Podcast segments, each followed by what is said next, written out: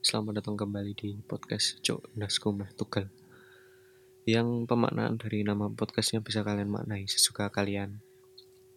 Namun secara literally atau dari bahasanya sendiri Naskumah Tugal itu dari, dari bahasa Jawa yang artinya Kepalaku mau putus. Uh, Alasan yang mendasari kenapa aku memilih nama ini adalah Ya mungkin bisa bakal aku jelasin nanti di episode-episode selanjutnya. Ini seri yang keempat dan hampir 10 hari sejak seri ketiga eh, karena emang apa ya kuota internet habis dan keterbatasan akses untuk cari referensi-referensi buat cari apa literatur-literatur gitu jadi mandek juga buat bikin episodenya. Kenapa aku butuh referensi-referensi kayak gitu? Karena biar apa yang aku sampaikan ini juga relevan sesuai dengan pendapat orang-orang. Dan karena emang pendapatku juga dipengaruhi oleh pendapat orang-orang cuman aku tetap kasih pendapatku yang asli dan orisinil dari aku gitu. Oke. Pembahasan ini seri ini nggak jauh-jauh dari corona. Emang karena podcast ini juga dibikin pas pandemi corona emang buat ngisi-ngisi waktu luang tapi semoga tetap bisa konsis. Ya jadi di seri ini apa yang mau aku bahas itu adalah kegiatan paling hits masyarakat Indonesia di uh, selama pandemi ini yaitu dua hal sumbangan dan jualan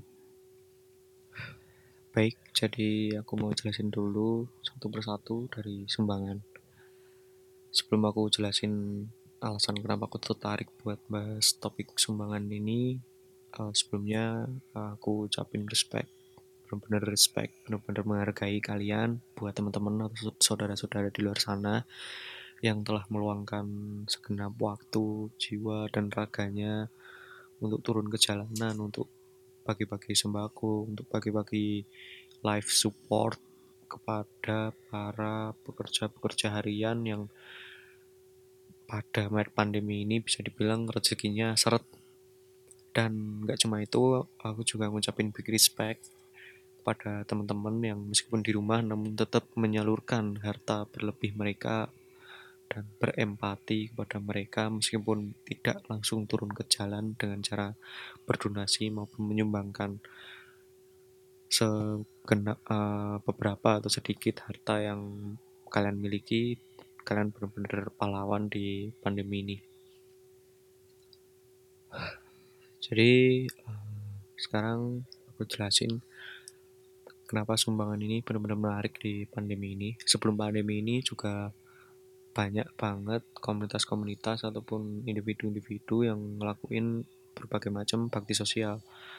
Tapi apa ya kurang populer gitu. Maksudnya mungkin bakti sosial kayak ke wilayah-wilayah terpencil buat apa bikin tang apa ya dam air atau apalah namanya sumur air atau membantu air. Atau ngebantu perekonomian masyarakat di sana atau gimana dan tapi kalau di pandemi ini yang populer adalah bagi-bagi sembako.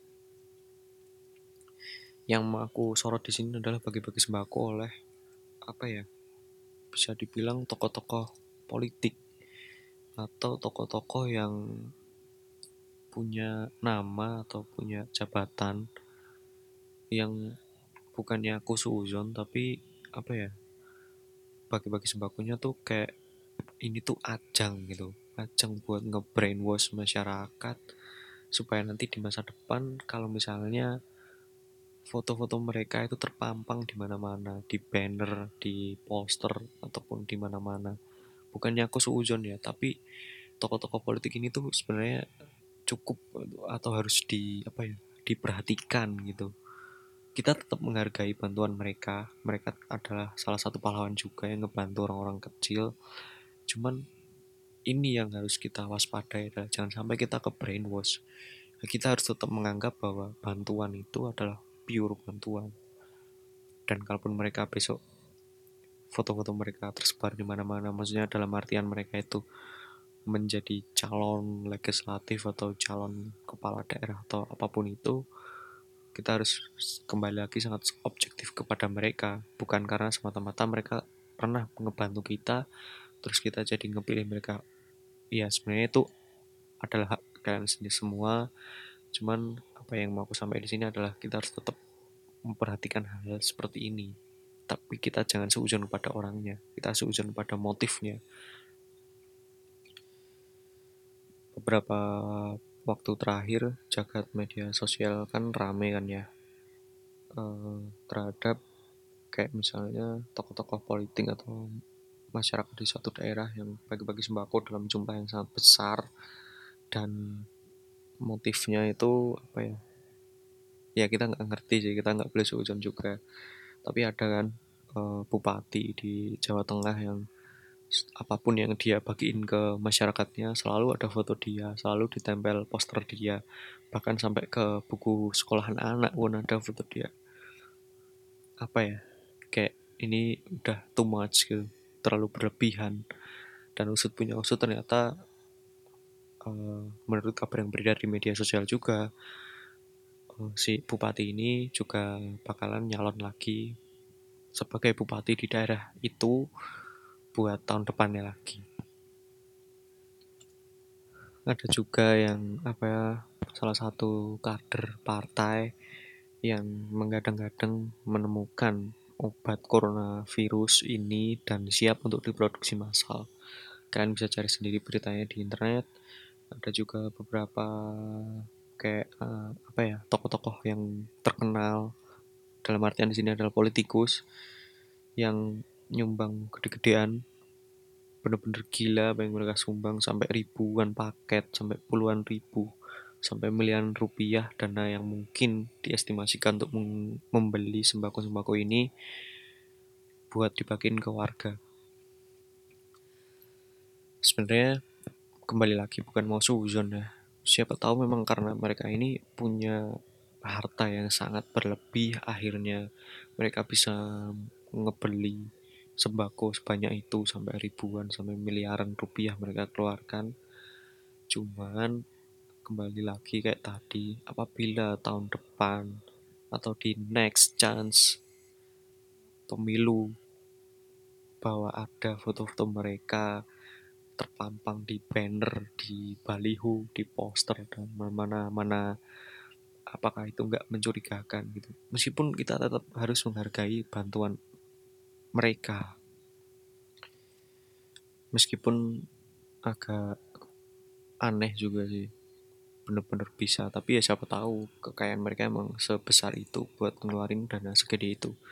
Cuman uh, menurutku solusi dari aku yang juga aku dapetin dari referensi di media sosial di internet bahwa cara untuk meminimalisir kesuuzonan masyarakat apa ya bahasanya kesuuzonan masyarakat biar nggak suuzon lagi adalah menurutku mungkin dana yang mereka gunakan untuk disumbangkan itu harus ditransparansi ke masyarakat harus dibuka besaran-besarannya sumber daya dari mana aja biar masyarakat itu apa ya nggak heran gitu.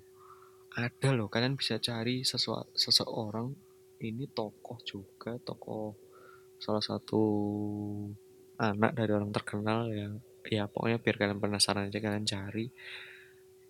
Beliau bukan artis beliau bukan pengusaha tapi beliau bisa nyumbang sampai hampir 3M duit dari mana? Kalaupun dia beliau ini adalah anak seorang politikus. Kalaupun politikus itu adalah anggota DPR bahkan presiden pun kalau pure hanya menggunakan gaji dan tunjangan uang 2 miliar yang digelontorkan dalam waktu kurang dari satu bulan menurutku bukan hal yang make sense. Menurutku ya. Nggak tahu menurut kalian atau karena emang literasiku yang kurang tapi menurutku bukan hal yang make sense oleh karena itu sumber-sumber dana dari mana mereka mendapatkan dana itu? Apakah dari rekening pribadi ataupun dari sumber dana yang lain harus dibuka? Ini bukan riak ini bukan masalah pamer pamer kekayaan untuk disombong-sombongan. Ini aku punya duit nih aku bisa nyumbang banyak.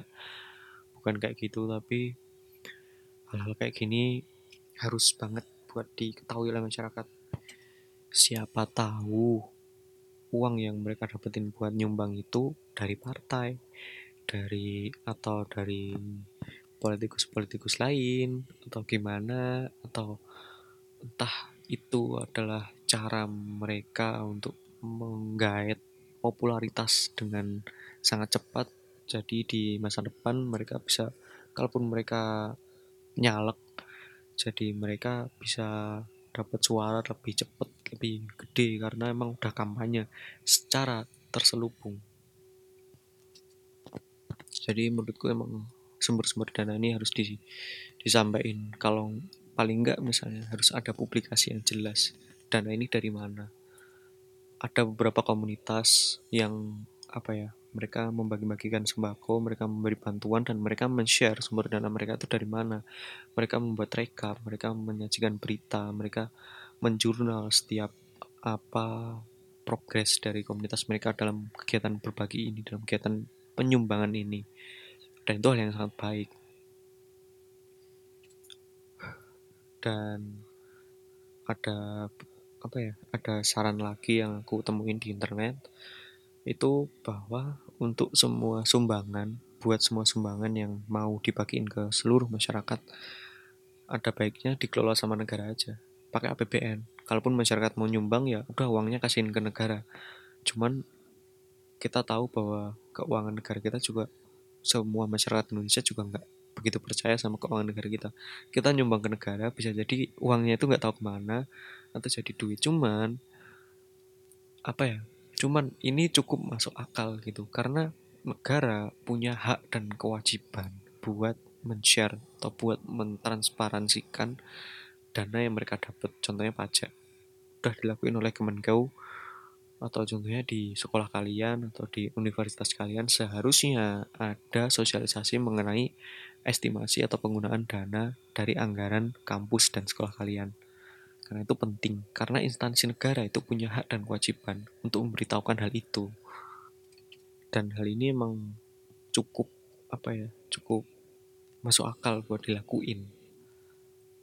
Dengan dana sumbangan dari masyarakat yang masuk dilaporkan, direkap, direport ke masyarakat luas, akhirnya masyarakat juga percaya kepada pemerintah, percaya kepada kinerja pemerintah, karena publikasi pemerintah pun juga menurutku cukup baik gitu di di negara kita. Itu yang pertama. Ini bukan soal pamrih buat buat belak-belakan soal sumber dana buat belak-belakan soal dari mana duit itu ada.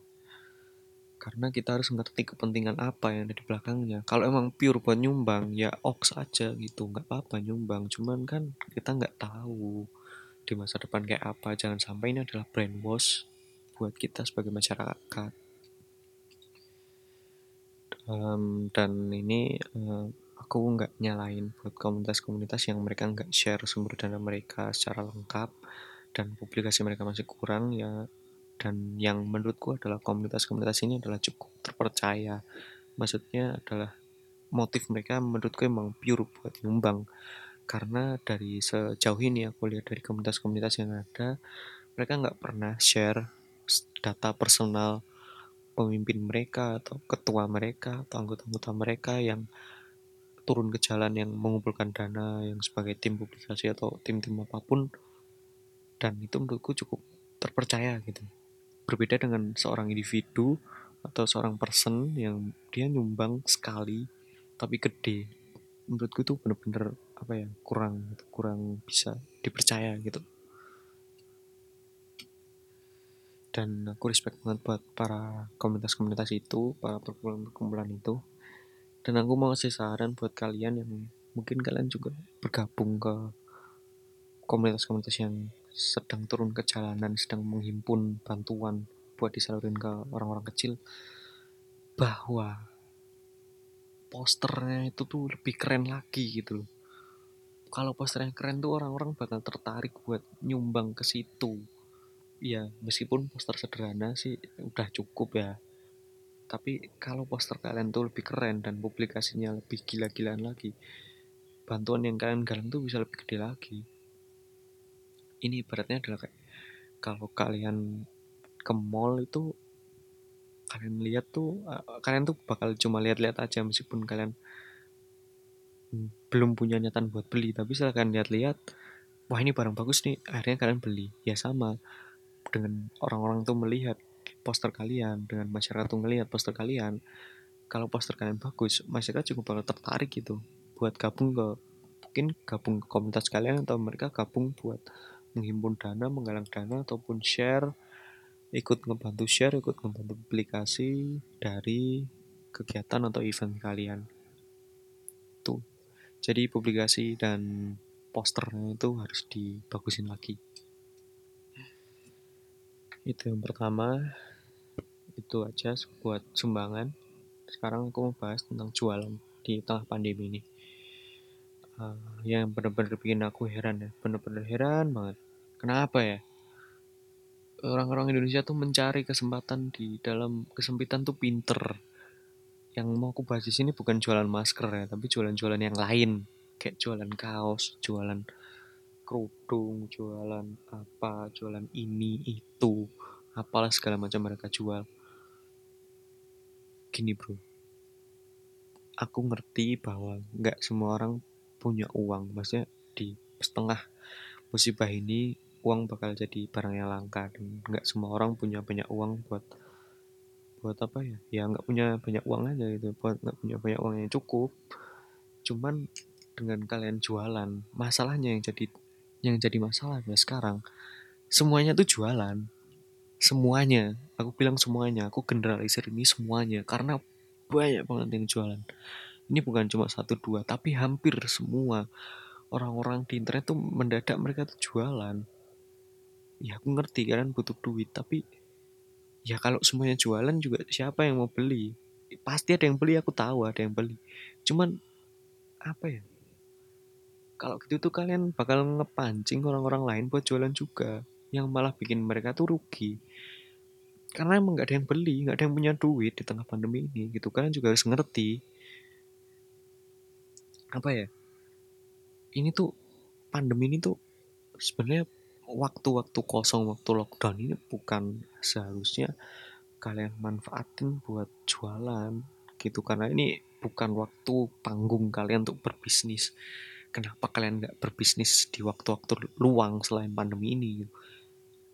Ini adalah panggung ekonomi panggung bisnis untuk mereka yang emang beneran udah kerja. Mereka yang beneran udah punya panggung gitu atau punya apa ya udah punya kerjaan, punya usaha yang sebelum corona ini ada. Karena usaha mereka tuh seret. Gini loh, semakin besar usaha, makin besar juga modal yang harus dikeluarin. Toko yang gede, atau swalayan retail atau perusahaan yang gede, mereka pasti juga punya karyawan yang gede, harus punya modal yang gede buat menggaji mereka. Dan itulah yang seharusnya kita larisi. Bukan dengan kita jualan gitu. Karena ya itu tadi kalau semuanya jualan siapa yang mau beli? Ini bukan panggung kalian bro. Panggung kalian tuh kalian tuh punya panggung yang sangat banyak dan sangat luas. Sekarang adalah panggung yang tepat untuk kita melarisi orang-orang yang salah satunya kerja harian atau perusahaan-perusahaan atau mungkin mereka emang udah punya usaha sebelumnya. Karena usaha mereka seret dan kita bisa lihat banyak orang di PHK karena nggak ada nggak ada pemasukan ke dalam company atau ke dalam perusahaan mereka. Ayolah mari kita berpikir logis gitu loh teman-teman. Apa ya? Bukan bukan jadi wah ayo ini aku gabut nih kita manfaatin kesempatan ini buat ini ini, ini. kalian boleh gabut kalian boleh memanfaatkan kesempatan itu hal yang bagus. Cuman kalian juga harus punya pikiran yang logis juga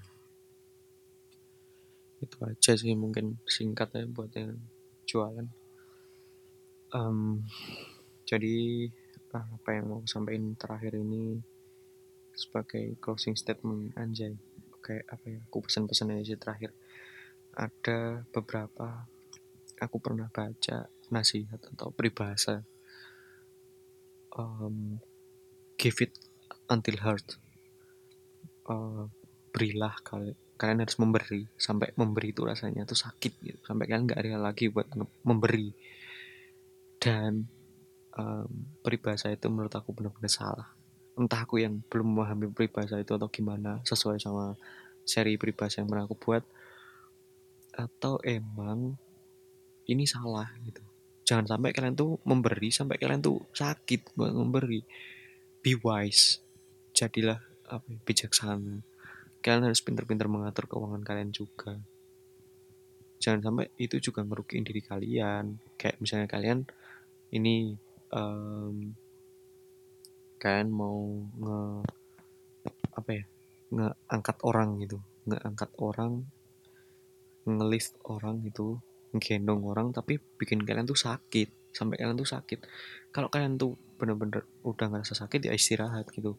Nanti lagi gitu. Jangan siksa diri kalian dengan alasan apa pun termasuk dengan alasan kemanusiaan kemanusiaan kalian diri kalian sendiri pun juga harus diperhatiin. Bukan berarti ini egois tapi ini adalah hal yang menurutku bijaksana. Itu aja sekian. Uh, mau ngabarin juga? Next aku juga mau bikin sesi-sesi atau seri-seri soal konspirasi dan apa ya cerita-cerita horor. Meskipun udah banyak yang bahas tapi ya mungkin mungkin belum banyak sih. Kayak podcast Do You See What I See kan itu cerita dari orang-orang. Tapi ini cerita dari apa ya apa yang aku baca konspirasi-konspirasi yang mungkin aku bikin sendiri. Itu aja sih. So makasih buat yang udah dengerin. Sampai jumpa di sesi-sesi selanjutnya thank you